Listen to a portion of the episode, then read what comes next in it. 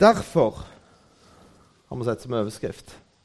Og Det er av at det brevet vi skal snakke om, romerbrevet, det er et brev der Paulus argumenterer. Han begrunner hvorfor det som han sier, er sant, og hvorfor det er det største og flotteste og beste budskapet, de beste nyhetene som fins i verden. Det er Guds gode nyheter. Og det ordet, Hvis dere leser romerbrevet, så vil dere finne det ordet igjen og igjen. Derfor og for og for og derfor. Og når du har lest gjennom den argumentasjonsrekken, når du kommer til endes, så har du lært utrolig mye som kan være til både glede og nytte for deg i livet. Og det er det som er håpet for disse bibeltimene òg, som Erlend og jeg skal ha. At det er det vi sitter igjen med et bilde av storheten i det som Gud har fortalt oss, gjennom Paulus i dette tilfellet, og storheten i det som Gud har gjort. Men nå er det 500 år siden et eller annet dette året. Det er noen som vet hva det er 500-årsjubileum for? Ja. Det er det, ja? Det var bra, det. Er det noen som vil si det òg? Reformasjon, ja. Ja, Jeg kunne spurt hva det, hva det var for noe, da. Men, men det var ei, ei, eh, mørk og stormfull natt. Og en 22 eh, år gammel eh, jusstudent han var ute og rei, og så kom det et forferdelig tornevær. Og så ropte han sånn som 22 år gamle jusstudenter pleide å rope på den tida. Hellige Anna, jeg vil bli en munk. Og det løftet holdt han. Og faren ble skikkelig sint på han, men han, han sto på sitt. Han skulle bli munk. Gikk i kloster i 1505. Det var Martin Luther. Og når han hadde vært i klosteret noen år, så hadde han studert nok teologi til å bli professor.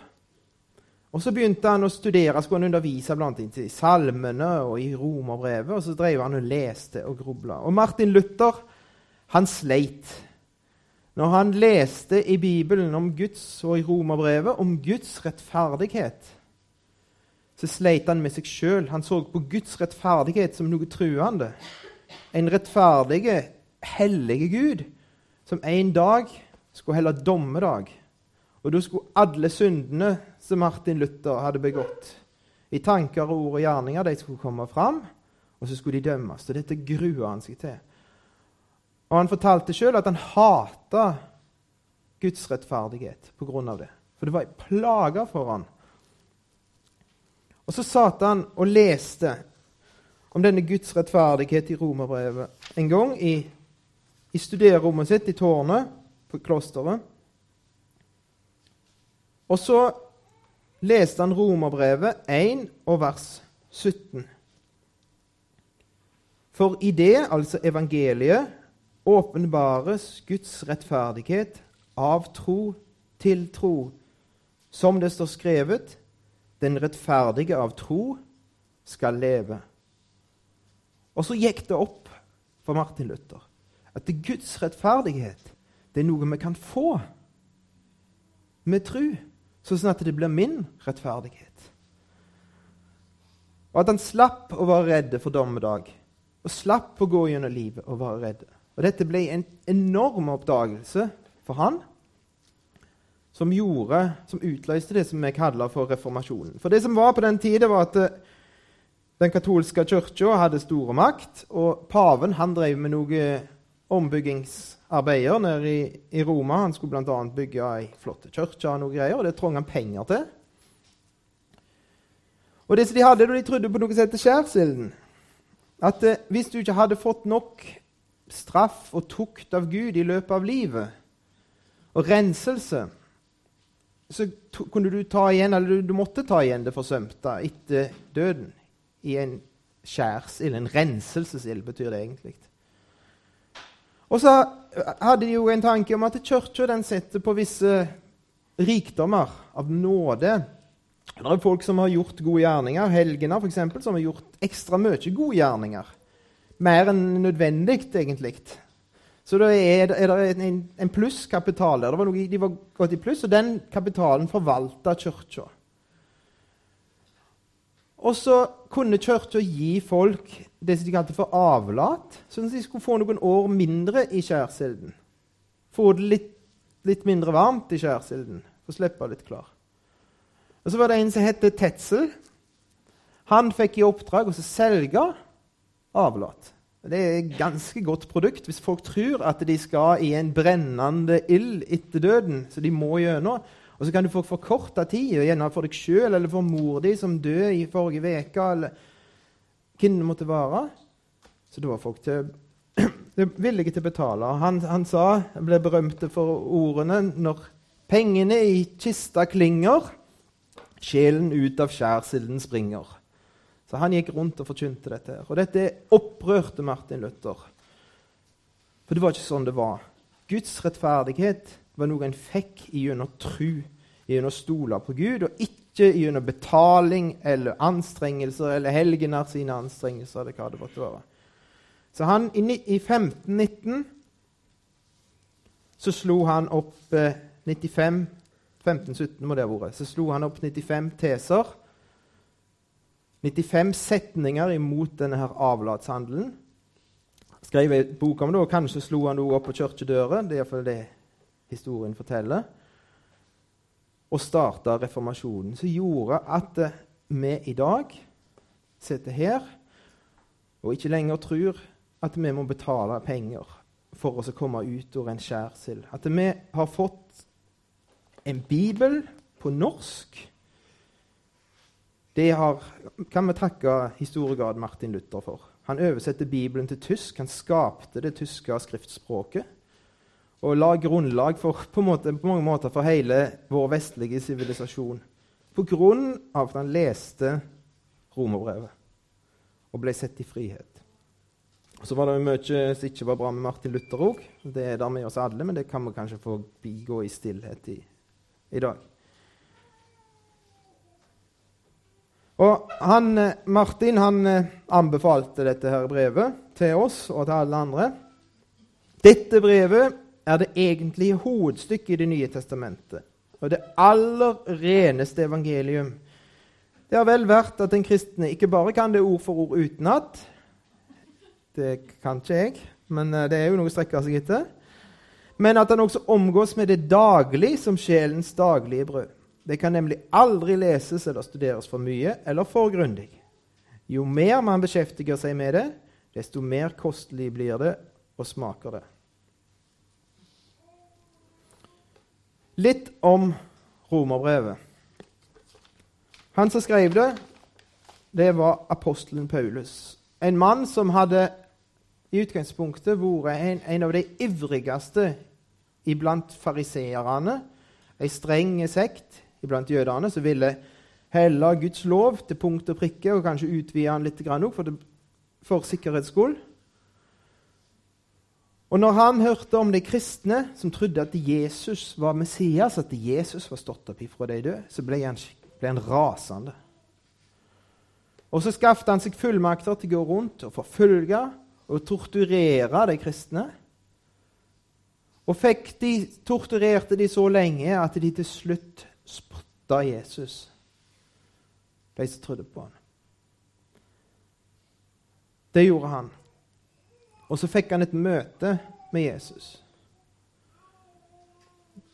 Jesus viste seg for ham ifra himmelen, og livet til Paulus ble slutt opp ned. Han ble ifra å være en forfølger, den største av alle syndere, kaller han seg sjøl, så ble han en som arbeider mer enn de alle, sier han sjøl. Og det er ikke skrøyt. Det var Guds nåde som fikk gjøre det med han. Han fikk lov å forkynne evangeliet på en måte som kanskje ingen andre gjorde. Det er gode nyhetene. Og Nå satt Paulus i Korint, i Hellas, i vinteren 56-57, antar de, etter Kristus. Det er ca. 20 år siden han ble en kristen. Og så sitter han og tenker på noen folk i Roma som han er blitt kjent med. Som han aldri har fått besøkt. Han har aldri vært i Roma. Så skriver han et brev til dem. Når, når Paulus skriver dette, så er Nero nettopp blitt keiser. Nero han er stort sett kjente for det vonde han gjorde. Han henretta bl.a. sin egen mor. Og så ville han òg bygge litt ut og fikse litt opp på byen, sånn at det gikk godt fyr på han. Og så satt det sto og så på, spilte fela, sier de, mens, han, mens byen brant. Og så la han skulde på, sette han ut et rykte etterpå at det var de kristne som hadde tent fyr på byen. Og en stor forfølgelse av kristne brøt ut. Så det var forholdene når det ble skrevet. Og temaet er de gode nyhetene. Og Hvis du leser romerbrevet, så leser du ganske mye dårlige nyheter om oss. De første seks, sju, sju kapitlene av romerbrev, er, åtte kapitlene, er dårlige nyheter om oss. Og Hvis du trodde at du var en grei, kjekk kar som gjorde det beste du kunne, og stort sett var grei, og iallfall bedre enn naboen, så tror du ikke det hvis du har lest romerbrevet. Du leser dårlige nyheter om deg sjøl. Men de gode nyhetene kommer fra Gud. Og hva Gud har gjort med de dårlige nyhetene når det gjelder oss. Og da blir de dårlige nyhetene gode nyheter likevel, for at Gud er i stand til å fikse opp i det. Årsaken til at vi i det hele tatt har dette brevet, det er at Paulus kom, aldri kom seg til Roma. Han hadde tenkt og tenkt og tenkt at han skulle reise til Roma og lagt planer, men så kom han seg ikke der til. Og så tenkte han OK, da får jeg heller skrive et brev til dem. Og derfor så fikk vi dette brevet. For det ser ut som om at Paulus, han, eh, når han uh, var rundt, var dette her som står i romerbrevet, det var ABC-en. Det var det grunnleggende som han fortalte alle veier. Han skulle forklare folk hva de, hva de var de var begynt å tro på, de som var blitt kristne. For det er et brev til kristne. For de skal forstå hva de har fått, hva evangeliet egentlig er. Og Dette hadde han lyst til å fortelle muntlig i Roma òg, sikkert sånn at han kunne få spørsmål ifra dem og snakke med dem og få forklare det skikkelig.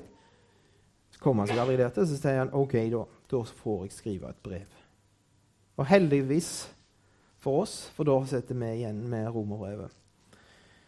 Eh, og Det er en enorme spennvidde i romerbrevet. I kapittel 1 vers 18 så leser vi om Guds vrede. Det er ikke det mest vanlige ordet i dag. Men Gud er sinte. Ikke et sånt sinne som en sånn bråsinte, hissige person har, men et sinne pga. noe som er forferdelig vondt og stygt, har skjedd. Et sinne som er retta imot oss mennesker pga. at vi ikke har tatt hensyn til han i det hele tatt. Ikke har brydd oss om han. Og har gjort all slags vonde, grusomme ting. Ødelagt både andre sitt liv og vårt eie, og synda imot han framfor alt. Og så ender vi opp i vers, kapittel 5 og vers 9 med at vi blir frelst, berga ifra den. den. Den vreden Når Gud en gang skal rydde opp i denne verden, så skal det aldri treffe oss. I kapittel 3 vers 23 så står det alle har syndet. Alle sammen strøk på eksamen. Alle feiler. Samme kapittelet blir de folket som nettopp ble dømte, som nettopp ble erkjente for skyldige. Som dommeren sa 'du er skyldig', de blir frikjent. Hvordan Gud kan gjøre det, det får du høre om i Romerbrevet. Og I kapittel 8 vers 1 så står det at det er ingen fordømmelse for deg som helt tydelig og klart er vist å være skyldige. I kapittel 1 vers 30 så står det om oss mennesker at vi er Guds hatere. Vi hater Gud. av natur, sånn som vi er i oss sjøl. Jo mer vi får kontakt med han, jo mer vi ser av han, jo mer vi ser av hva han vil, jo mer hater man, for det er imot det som vi har lyst til. I vers, kapittel 8, vers 28 så står det om noen som er begynt å elske Gud. Stikk i strid med deres natur. I kapittel 2 vers 17 så står det om at alle, enten de som har loven, altså jøder, og de som ikke har den, de er fortapt. Loven dømmer de. De prøver å gjøre Guds vilje, men de får det ikke til, for de vil det ikke. I kapittel 8, vers 4 så står det plutselig om at denne loven, Guds vilje, skal begynne å bli oppfylt i oss. Og I 13, 8 og 10 så står det noe om en kjærlighet som Gud gir oss, som gjør at det, noe av denne loven begynner å bli oppfylt. Vi ble framstilt som slaver som beherska av synd, beherska av lystene våre beherska av vondskap. Og så blir vi gjort fri. Slaveringen rundt halsen blir tatt vekk. Det er forresten det ordet 'frelse' kommer ifra. Det er norske ordet 'frelse'. Å få en fri hals. Bli sett i frihet. Og syndere blir erklært rettferdige. Og de som ikke har noen framtid, de får framtid og håp. Men nå skal vi gå til, til innledningen, til det første, det første 17 verset i, i kapittel 1.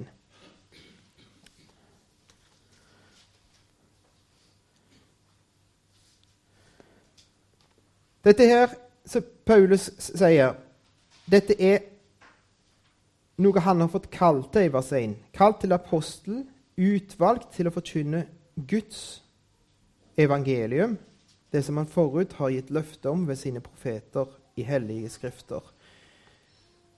Om hans sønn, han som etter kjødet er kommet av Davids ett, og som etter hellighetsånd er godtgjort å være Guds veldige sønn ved oppstandelsen fra de døde, Jesus Kristus, vår Herre. Gud har noen gode nyheter å fortelle. De beste nyhetene, som Donald Trump ville sagt det aller beste. Det fins ikke bedre nyheter enn Guds gode nyheter. Og dette er noe som Gud har lovt med profetene i hellige skrifter. Allerede helt i begynnelsen av første Mosebok så leser vi om menneskene som synda imot Gud, som gjorde opprør imot Gud. Og så sier Gud til kvinna det skal komme en til Eva, det skal komme en som stammer fra deg. Og han skal knuse slangen sitt hode. Det skal komme en en dag som skal få slutt på denne øyeleggelsen som er kommet inn i verden. Dette som øyelegger alt, som øyelegger gleden, som øyelegger livet, som tar livet til slutt. Som den døden som kommer inn i verden. Det skal komme en. Og så blir det gjentatt, og så blir det stadig klarere når du leser Det gamle testamentet.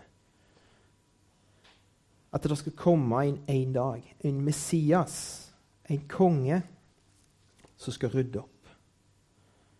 Og denne her kongen som skal rydde opp, denne som skal fikse det som er ødelagt, det er Guds sønn. Det er ikke et menneske. Han er etter kjødet, står det her. Etter, sånn som han er fysisk, så stammer han ifra David. Han er oppfyllelsen av løftet som ble gitt til kong David, at en av dine etterkommere skal sitte på min trone. Jesus er oppfyllelsen av det. Og når vi, når, når, sånn som det er, vi har jo noen unger, som kjent. Og noen av dem de roter av og til skikkelig til på rommet sitt. Og det blir så kaotisk at det, det nytter ikke med meg, og det nytter iallfall ikke med deg. Da må Margitta til. Og så rydde opp og hjelpe til og sette i gang og få det sånn at det får begynne med blanke ark igjen. Og så går det ei uke, så er det like gale. Eller, Det var i beste fall, da. Men, eh, men av og til så trenger vi noen til å rydde opp etter oss. Vi har rota så mye til at vi har ikke kjangs til å fikse opp i det. Og det er ikke bare rommet vårt vi roter til. Av og til så roter vi til livet vårt. Vi gjør valg i livet. Vi velger å ikke gjøre noe som vi burde ha gjort, eller å gjøre noe vi ikke burde ha gjort. Og så ender vi opp med et forferdelig kaos som vi ikke vet verken ute eller inne av. Og sånn ser det ut når vi ser ikke bare på vårt liv, men vi ser på verden òg. Så er det mye kaos. Mye elendighet, mye krig, utnyttelse, nød. Urettferdighet. Synd. Opprør imot Gud. Øyeleggende krefter, dødskrefter. Forråtnelse. Og når ting går gale så, Når vi er voksne, så roper vi ikke på mamma og pappa og sånt. Men, men av og til så, så tenker vi at tenk hvis vi hadde fått en sterke mann, en politiker som var flink til å rydde opp i dette greiene. Noen som kunne blitt valgt inn, som kunne fikse opp. Av og til så blir politikere valgt for at de lover det, at de skal rydde opp i det som er ødelagt, i kaoset. Som regel så får de ikke det til. Og det er ingen ennå som har fått til å rydde opp i de problemene som vårt opprør imot Gud har skapt i verden. Ingen. Men Gud lovte en som skulle gjøre det.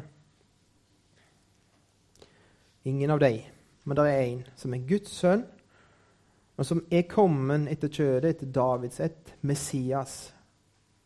Han kongen som var lovte at det skulle fikse opp, skulle skape fred, skulle skape rettferdighet. Og skulle ta seg av syndet, og som ikke bare er et menneske. For et menneske kan ikke fikse opp i denne verden. Det er for vanskelig, det er for stort. Og det er med mennesker som er problemet. Og Derfor så måtte han være ikke bare et menneske, men han måtte være Guds veldige sønn. Og Gud beviste det med at han overvant døden. Noe som ingen mennesker har kjangs til å gjøre noe med. Døden er stopp. Vi klarer altså, Hvis hjertet stopper, så klarer vi å få livet igjen med, med en hjertestarter av og til. Men når det har gått litt for lenge, så er det slutt. Det er livet slutt. Framtiden til det mennesket er slutt. Håpet er slutt. De som var glad i det, de har ikke den personen iblant seg lenger. Alt er ødelagt. Den uovervinnelige døden som er en følge av synden, av opprøret mot Gud, den overvant Jesus. Guds veldige sønn ved oppstandelsen fra de døde. Jesus Kristus, Jesus Messias, vår Herre. Og det er han som har gitt Paulus oppdraget, sier han, for å virke troens lydighet iblant hedningefolkene til ære for hans navn. Hvem er hedningefolkene? Det er oss som sitter her. Dette gode budskapet som ble gitt som et frø til Abraham og de som stemmer, så utvikla det seg Det har blomstra, så har spredt seg til hele verden, til alle mennesker. Pga. det som Jesus gjorde på korset, og det som skjedde på pinsedag, så har dette gått ut til alle. Til meg her til Norge. Til ære for hans navn. Hva var det som skulle være resultatet av evangeliet? Hva var det det skulle virke, som det sto her? Hva var, skulle virkningen skulle være? Jo, troens lydighet. Og Da går vi tilbake til første Mosebok igjen. Hva var det som skjedde der? De trodde ikke på Gud. Gud hadde sagt hvis dere eter av dette treet, så skal dere dø. Det trodde de ikke på. For det kom en og sa til dem at nei, det er ikke sånt. Gud, vet du, han er den store gledesdreperen, han. Han vil dere ikke vel. Alt som er kjekt, er forbudt. Og det beste Treet i hagen, det har han nekta dere. Så slutta de å stole på Gud. De slutta å tro på han, slutta å være avhengig av han. De ville være sin egen Gud. De skulle kjenne godt og vondt sjøl. Og så slutta de å være lydige mot han. For tro og lydighet det henger sammen. Hvis jeg stoler på Gud, hvis jeg stoler på at det, det eneste kilden til godt i livet mitt er Gud, så stoler jeg òg på det han sier, det han vil at jeg skal gjøre. Og det var det som skulle være målet. At det mennesker som hadde vært opprørere imot Gud, som ikke hadde brydd seg om han i det hele tatt, som var utakknemlige imot han, og som tilba alt mulig annet enn han, skulle begynne å stole på han igjen.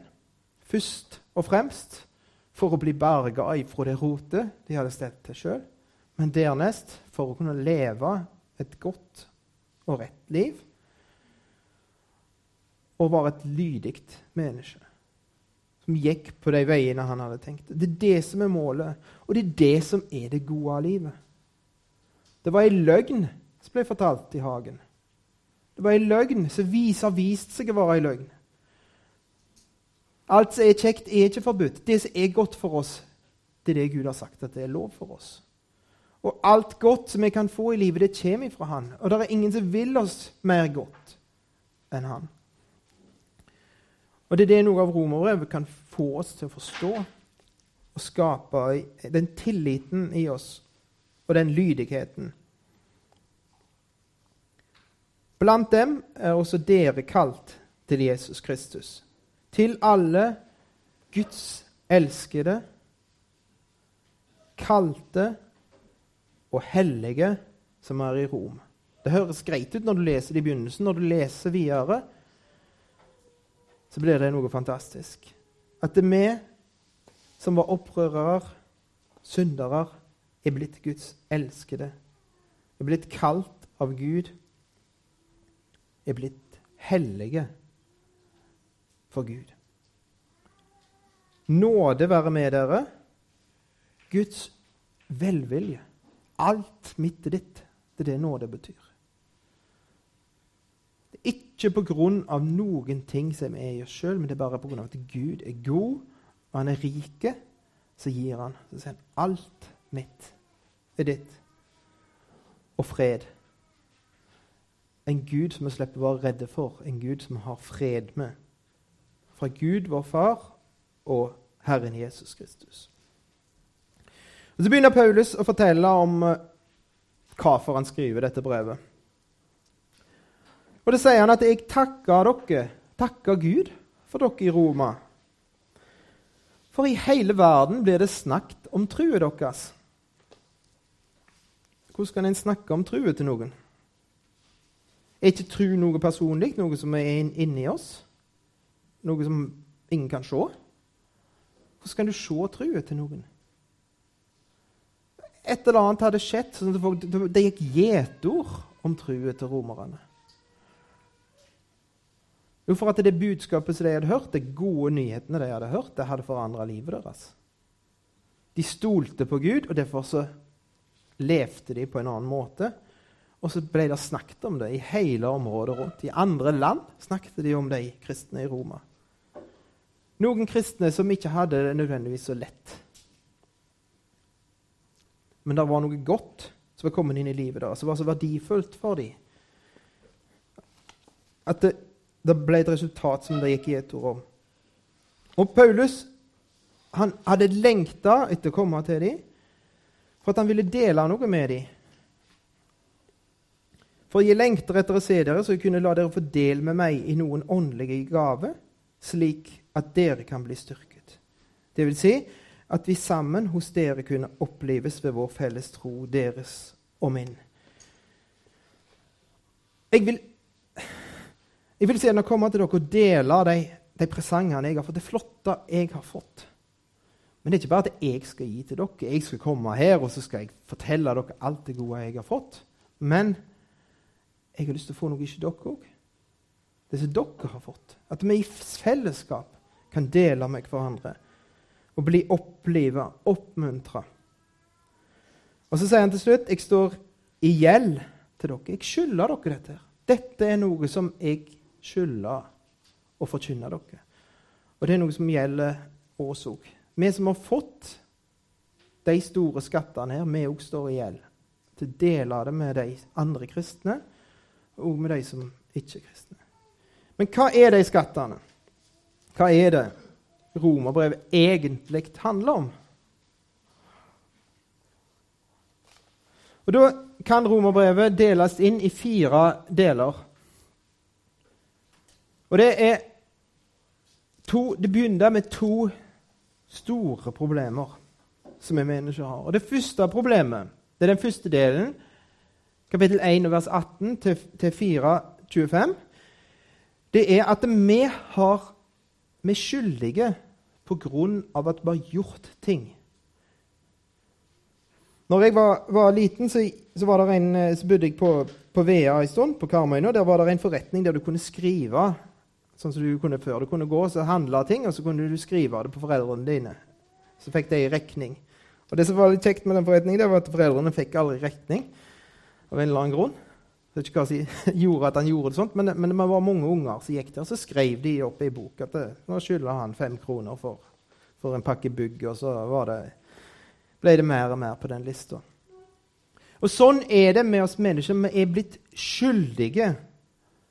Vi har, vi har synda imot Gud. Vi har gjort ting som er imot Guds vilje. Så har det punkt 1, punkt 2, og så blir det ei lang, lang, lang, lang liste som alle mennesker har innenfor Gud, som gjør at vi fortjener straff. Vi står med en, en lukka munn. Ingenting å si til vårt forsvar. Vi er skyldige, vi gjorde det sjøl, og vi visste det var gale. Samvittigheten vår fortalte oss at det var gale, forteller Paulus oss i kapittel 2. Gud har lagt det inni oss. Gud har vist seg i skaperverket. Han viste at han fins. Vi brydde oss ikke om han. Vi var ikke takknemlige imot han. Gud har gitt sin lov til menneskene. Han har sagt, skrevet ned hva han vil. De som fikk den, de brydde seg ikke om han, de holdt han ikke. Og så enda det opp med en knusende dom. Skyldig. Juryen har talt. Skyldig. Men så kommer òg Guds løsning på problemet.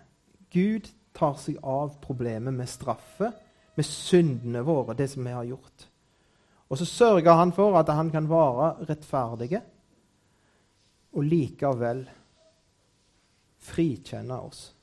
En rettferdig dommer som kan frikjenne den skyldige uten at han mister jobben sin, uten at han blir avsatt, men som med all rett kan si til den skyldige du er frikjent. Det leser vi om i den første delen.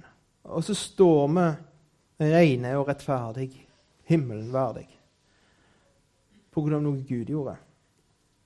Og Det er første delen av de gode nyhetene. Men så er det jo et problem at det, det er en grunn til at vi gjør det vi gjør. Det er en grunn til at den lista ble så lang. Det er en grunn til at vi var skyldige. Problemet er ikke bare denne lange lista med ting som vi har gjort. Problemet er òg at det bor noe i oss.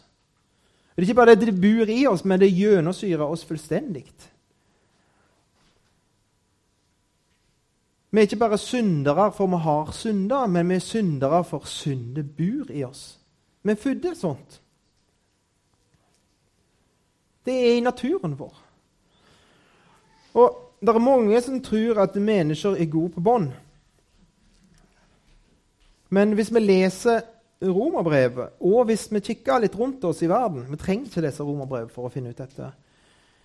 Så finner vi ut at det, det gode det ligger i overflaten. Og begynner vi å skrape i det og grave i det, enten hos oss sjøl eller hos andre, så finner vi ut at på bånn så er det bare elendighet. Det er ikke så mange år siden etter et land som heter Jugoslavia, sør i Europa, der forskjellige folkeslag levde side om side i, i stort sett i fred. Var en av bestekompiser. Den ene var bosnier, den andre var kroat, den tredje var serber. Og så brøt det ut en krig. Og da skjedde de forferdeligste grusomheter. Der et menneske er i en situasjon der han får lov å leve ut det som bor på innsida, uten at han trenger å være redd for konsekvensene av det. Der et menneske i stand til å gjøre hva som helst. Det er ingen grenser for vondskapen i oss mennesker. Og Det er et kjempeproblem, for det nytter ikke bare om Gud tilgir. Hvis, fort, hvis denne fabrikken inni oss fortsetter og fortsetter, fortsetter å spy ut synd. Og han kan i alle fall ikke ta oss inn i noe himmel og inn i noe evighet. Noe, noe herlig evighet. For hvis vi slipper inn der, så blir det, bare, blir det ikke noe himmel. Det går ikke. Vi er ureine på innsida. Vi er skitne på innsida, og den skiten som kommer på utsida, den kommer fra innsida. Og Gud må gjøre noe med det. Og så leser vi om løsningen på det problemet. For det første at Gud har gjort det sånt at når Jesus dør på korset, så dør vi med han. Gud gjorde seg ferdige med den gamle David. Den gamle liv. Gud gjorde seg ferdige han setter en strek over det. Når, vi, når Jesus dør, så dør vi. Og når Jesus sto opp igjen, så sto vi opp i lag med han til et nytt liv. Et liv i frihet, der det er mulighet for å være fri ifra denne her synde som behersker oss. Og så fortsetter han. For det, det er jo greit nok når du har lest Romerbrevet 6, så er du enig med Gud. Jo, jeg forstår ikke helt hva det som, som står her, men alt. Men, men, jeg er enig med deg. Det ser ut som jeg er fri ifra synde. Ser ut som jeg ikke trenger å gjøre dette her mer. Iallfall når du leser begynnelsen på sju, så OK, greit. Men så var du inne på møte på søndag og syntes det var storarta når du hørte om dette her. Og så kommer du kommer mandags morgen Ungene er trøtte, du er trøtte. Og så kommer det fram igjen. Og så blir det 'Jeg vil, jeg vil, men jeg får det ikke til'. Og så merker du at det, jo da, det er sikkert sant at jeg er død, men jeg kjennes voldsomt levende ut. Det kjennes ikke ut som at jeg klarer å, å vinne noe seier over synd. At jeg klarer å stå der som jeg falt før. Det, det, det ser ikke ut som det funker. Og så kommer Romerbrevet 8 med løsningen. Og det er en løsning som ikke er sånn at den er sånn, og så du, lever du syndfritt resten av livet. Men en løsning som går ut på at det, det er en prosess. Guds hellige ånd har flytta inn i oss, og så skal Gud begynne å skape liv der det var død. Han skal levendegjøre kroppen vår. Og så en dag så skal vi få en kropp, en ny kropp, en herliggjorte kropp, som det står, som er uten synd. Da skal vi endelig være fri ifra den synde. Og da skal det aldri mer bli et stygt ord over lippene mine. Aldri mer en stygg tanke. Aldri mer misunnelse. Aldri mer svik. Aldri mer løgn men fullstendige frihet. Men så er det jo så fantastiske ting. Og så kommer der ei lita tvil. For dette greiene her som Gud begynte med Gud lovte, Du fortalte jo Paulus at Gud, Gud lovte dette her ifra, fra første Mosebok av allerede gjennom profetene i Det gamle testamentet. kommer altså løfter men det kom jo til Israel, og Israel var jo det som Gud hadde valgt ut. At det skulle, skulle komme med dette budskapet til verden. Skulle være redskapet for, for å spre dette til verden. Men, men, Israel de tror jo stort sett ikke på Jesus. De. Hvordan kan du, Paulus, være sikker på at det er sant, dette her? At du har rett, og så alle andre tar feil? Og, si at du har rett, da. Det ser jo ut som det gikk gale for Gud. Han fikk jo ikke til det han hadde lovt med Israel. i Det hele tatt. Det funka jo ikke i det hele tatt. Hvordan skal vi være trygge på dette? her? At, dette skal, at det skal lukkes denne gangen? Er det sånn at Gud prøvde med Israel, og så, så gikk det gale, og så bare krøller han de sammen, og så hiver de til side, så begynner han på nytt? Og hvordan kan vi vite at det kan gå bra? Og så kommer det et, tre kapitler som de er om, mange som diskutert mange ting om de. Men de viser hvordan Gud har kontroll, og hvordan Gud har en plan som ikke har slått feil. Og selv om at det ser lite ut med Israel, så skal den planen òg en dag komme i mål. Og hele Israel skal bli frelst. Og Gud vet hva han gjør. Og så ender det opp med en lovprisning til Gud for hans uransakelige visdom og usporlige veier. En overvelda Paulus som er overvelda av en Gud som, som, visste, som kunne, og som kan gjennomføre, og som en kan være trygge på. Og Så kommer det et, et avsnitt til slutt i romerbrevet. Og det er evangeliet og livsstilen vår. For vi leste om troens lydighet til å begynne med. Og målet for evangeliet er ikke bare at vi skal bli fri ifra skylden vår. At vi skal stå ren og rettferdig, himmelen verdig, og så skal vi vente stå på sida på venterommet og vente til den dagen Jesus kommer igjen, eller vi dør. Og så får vi leve så best vi kan og prøve å vinne de andre og, og imens. Målet med evangeliet er òg at vi skal være fri ifra synde som behersker oss, som skal oppleve den friheten i praksis i livet vårt. Men synd det er jo negative ting. Det er jo ting vi ikke skal gjøre. Men det er ikke bare det Gud vil. At vi skal slutte å gjøre det som er gale, det som er øyeleggende, det som er destruktivt i livet vårt. Men han vil òg at det skal komme noe godt ut av livet vårt. At det skal blomstre, at det skal bli frukt, at det skal bli noe, noe som smaker godt når folk kommer i nærheten av oss. Og Grunnlaget for det er de tre første delene.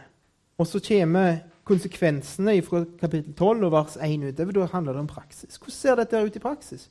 Hvordan, hvordan hva er konsekvensen av det som dere har hørt? Hva skal disse gode nyhetene føre til i livet? Og Da begynner det med et liv som er lagt for Guds føtter på alteret som et levende offer. Og så det, er det helt praktiske ting. Hvordan vi skal omgås med hverandre. Hvordan vi skal omgås med lover, regler og myndigheter som styrer i landet. Hvordan vi skal omgås med forskjeller når vi er forskjellige og har forskjellige forståelser av ting. Hvordan vi skal kunne leve i fred og i harmoni med hverandre. Hvordan vi skal kunne leve til Guds ære, og hvordan det ser ut i praksis. At eh, det som loven krevde, det gode, rette, rettferdige livet, skal begynne å bli synlig i vårt liv. Og til slutt alle disse her avsnittene i romerbrevet de de slutta med en Eller begynner de med en lovprisning? Jeg har skrevet 'bro' her, og det var han Erlend enig i, tror jeg. Han protesterte iallfall ikke. Men i sånne uh, litt mer moderne sanger så er det av og til et vers og et kor, og så er det en bridge, og så kommer det noe nytt. Og I Romerbrevet er det fire avsnitt som er ei sånn bru fra det ene avsnittet til det neste. I det første, så blir, i kapittel 5, 1, vers 11, så blir det oppsummert hva er konsekvensen av det som vi leser i det første avsnittet. Og det ender med en lovprisning til Guds kjærlighet, som er utøyst i hjertene våre, og som han har vist imot mot oss med at Jesus dør for oss. Og Så kommer det neste avsnittet, og så ender det òg med en lovprisning av Guds kjærlighet som aldri svikter oss. En Guds kjærlighet som skal, skal elske oss uansett hva som skjer. så vil vi bare elska. Og så kommer neste avsnitt, og det ender med en lovprisning av Guds visdom. Og så det siste avsnittet igjen ender med en lovprisning av Guds visdom. Og det må være kan vi kanskje be om i sammen for den, hvis vi skal be om noe for denne her veka her, at det er de, at lovprisningene der, at den lovsangen kommer ifra hjertene våre i løpet av denne veka. At det ikke bare er lipper som synger sanger, men at det der kommer noe fra hjertet ut av munnen vår. En tilbedelse og takk til Han. Bare kort om programmet for veka. Eh, nå har vi hatt innledning og kanskje oversikt. Så skal en Erlend snakke om den første delen i, i, den andre timen i dag og første timen i morgen. Om evangeliet og syndene våre. Og så skal jeg i andre timen i morgen og første time på fredag snakke om eh, evangeliet og synden i oss. Og så er vi ikke helt enige om hvem som skal, og hvordan vi skal gjøre den med kapittel 9-11. Det blir en hektisk time på andre time på fredag. Lordag, evangeliet og livsstilen vår. Første del det er Erlend, og andre del tar jeg. Og så er det på klokka halv seks før kveldsmaten på, på lørdag så tar vi Q&A, eller spørsmål og svar. Og da er det sånn at det er voldsomt greit hvis vi får spørsmål underveis. så tidlig som mulig. Hvis det er noe dere sitter og lurer på etter dere har hørt en bibeltime, så si det med en gang, for da går det an å svare på ting underveis òg. Og så går det an å forberede seg. Men helst at vi får inn spørsmålene til den Q&A-en på lørdag på innen fredag kveld. Ja. Jeg skal be til slutt. Far, jeg takker deg for at du har gitt oss gode nyheter. At du har gitt oss noe som kan gi oss håp, både for nåtida og for framtida. At du har gitt oss mulighet for å kunne kikke opp i ditt ansikt og ikke være redde og ikke se en, en vrede, en sinte Gud, men se en Gud som elsker oss, en som er vår far, som vi kan si Abba-far til. Og du har gitt oss mulighet til å oppleve å herske i stedet for å bare beherske. Oppleve seier i livet vårt. Oppleve at livet blir forandra. Og Jeg ber om at det må, dette budskapet som du har gitt oss, at det må bli sånn at det, det fester seg i oss, at det begeistrer oss, at det skaper lyst til å bli mer kjent med deg, bli mer kjent med Jesus, og til å leve fullt og helt for Han i den tiden vi skal være her på jorda. Legg denne veka i hendene dine. Ber foran Erlend i neste time at du velsigner han, at han får forkynne ordet ditt, sånn at det, det blir ord som går inn i hjertene våre og i hovene våre, at vi, vi forstår. For ditt navns.